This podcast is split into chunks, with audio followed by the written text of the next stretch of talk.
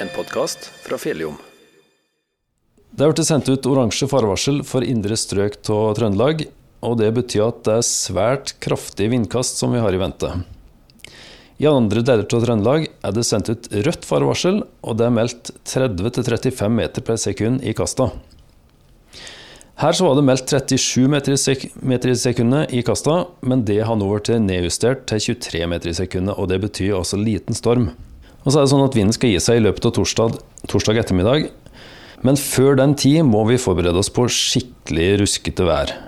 Og det gjelder òg strømmen. Eh, så jeg står her med Stian Svendsen, som er driftsingeniør i Røros Everk Nett. Jeg må jo spørre, dere, spørre deg aller først. Eh, hva er det dere har ansvar for?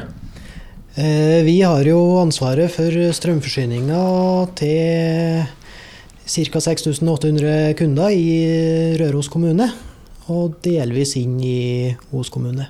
Så vi har jo da høyspentlinjene inn fra Tolga der vi tar over ansvaret, og så er vi fram til husveggen til folk, da. Så det er egentlig ganske omfattende nett dere eh, skal ha kontrollen på? Ja, hvis en begynner å se sånn på det, så er det jo veldig mange komponenter som skal fungere for at folk har strøm inn. da. Og så er det jo sånn at ruskevær det betyr ofte en eh, større sjanse for at det skjer et eller annet. Hva bør folk eh, gjøre for å forberede seg nå, når det gjelder strømforsyninga, altså med tanke på et eventuelt bortfall? Nei, altså det går jo på mye generelle råd da. Altså sørg for å ha ved tilgjengelig, mat. Det kan jo bli strømbrudd som eh, varer ei lita stund. Eh, ha litt kontroll på kanskje ei huggeløkt, så du har lys og du finner fram i huset ditt hvis det er mørkt på dagtid eller på nattestid. Eh, ja, det er vel den generelle biten med beredskap i hjemmet, da. Hva er det mest sannsynlige som kan skje med nettet vårt når det er sånn sterk vind? Nei, Når det blir sånne vinder som det meldes nå, så er det jo trepåfall som er den største risikoen. Nå er vi ganske så skåna oppå her med lite høg skog, men eh, det er jo det vi frykter mest, at det kan bikke noe tre inn på linja og dra med seg den. Er det det dere ser fra tidligere situasjoner med, med sterk vind? Jeg regner med at dere har noe erfaring fra noe lignende før? Ja, noe vet du det har. Men uh, alt i alt så har vi veldig lite problem med vind. Men det er nettopp trepåfall uh, som kan være utfordringa. Men hvis folk nå mister strømmen, da, bør de ringe direkte til dere, eller får dere en alarm når linja faller ut, sånn at det er litt unødvendig? Hva, hva bør folk gjøre? Eh, hvis det er store områder som blir strømløse, så får vi varsel. Men enkeltkunder kan miste strømmen uten at vi får varsel om det. Så da anbefaler vi folk å ringe vakttelefonen vår. Eh, hvis det er et større område som er ute, så prøver vi så fort vi rekker å varsle via SMS. Og da når du får den SMS-en, så vet du at vi er klar over at det er en feil. Eh, hvis du da har sett noen hendelse i nettet, og eventuelt et tre som har bikka inn på linja, så vil vi gjerne ha beskjed om det. Det kan være veldig besparende på tidsbruken vår på å finne feilen. Det eh, viktigste da er at folk må holde seg på god avstand. Altså er det tre små bikker inn på linja, linja døtter på bakken, så kan den være strømførende, og det er rett og slett livsfarlig.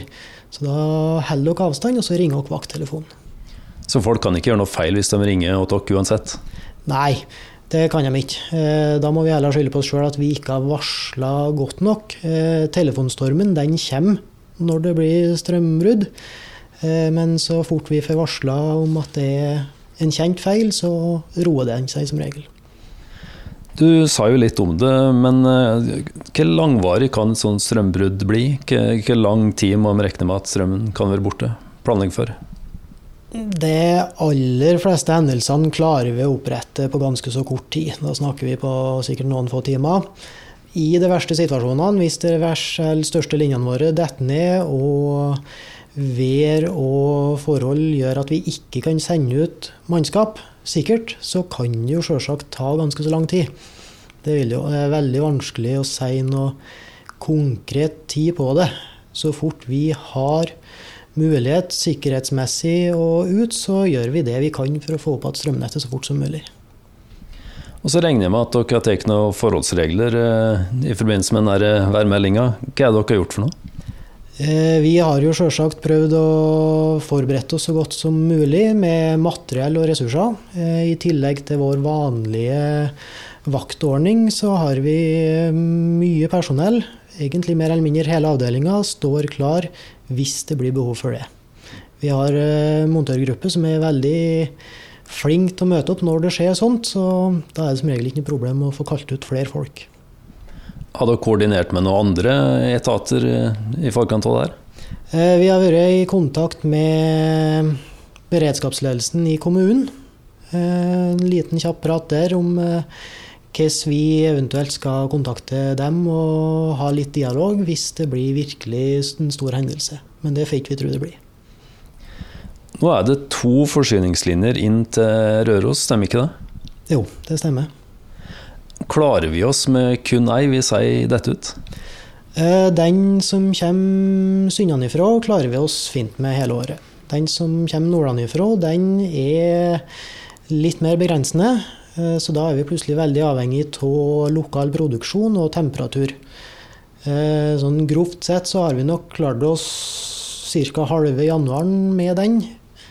Men ja, nå ser det ikke ut som det blir veldig kaldt, så mye trolig så klarer vi oss med den hvis det detter synnafra.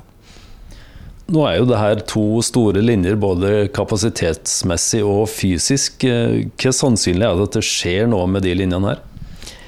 Nei, den sannsynligheten er ikke veldig stor. Det er robuste linjer, spesielt den som er oppgradert syndene Eh, det skal mye til at det skjer noe med den. Det tror jeg vi skal føle oss ganske så trygge på. Kommer det her til å gå bra, tror du? Ja, jeg tror det. Og vi får krysse det vi krysse kan for at eh, vi berger. Du har hørt en podkast fra Fjelljom.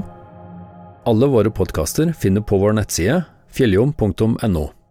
Du finner dem òg på Spotify, Apple Podkast, Google Podkast og mange andre plasser der du finner podkaster.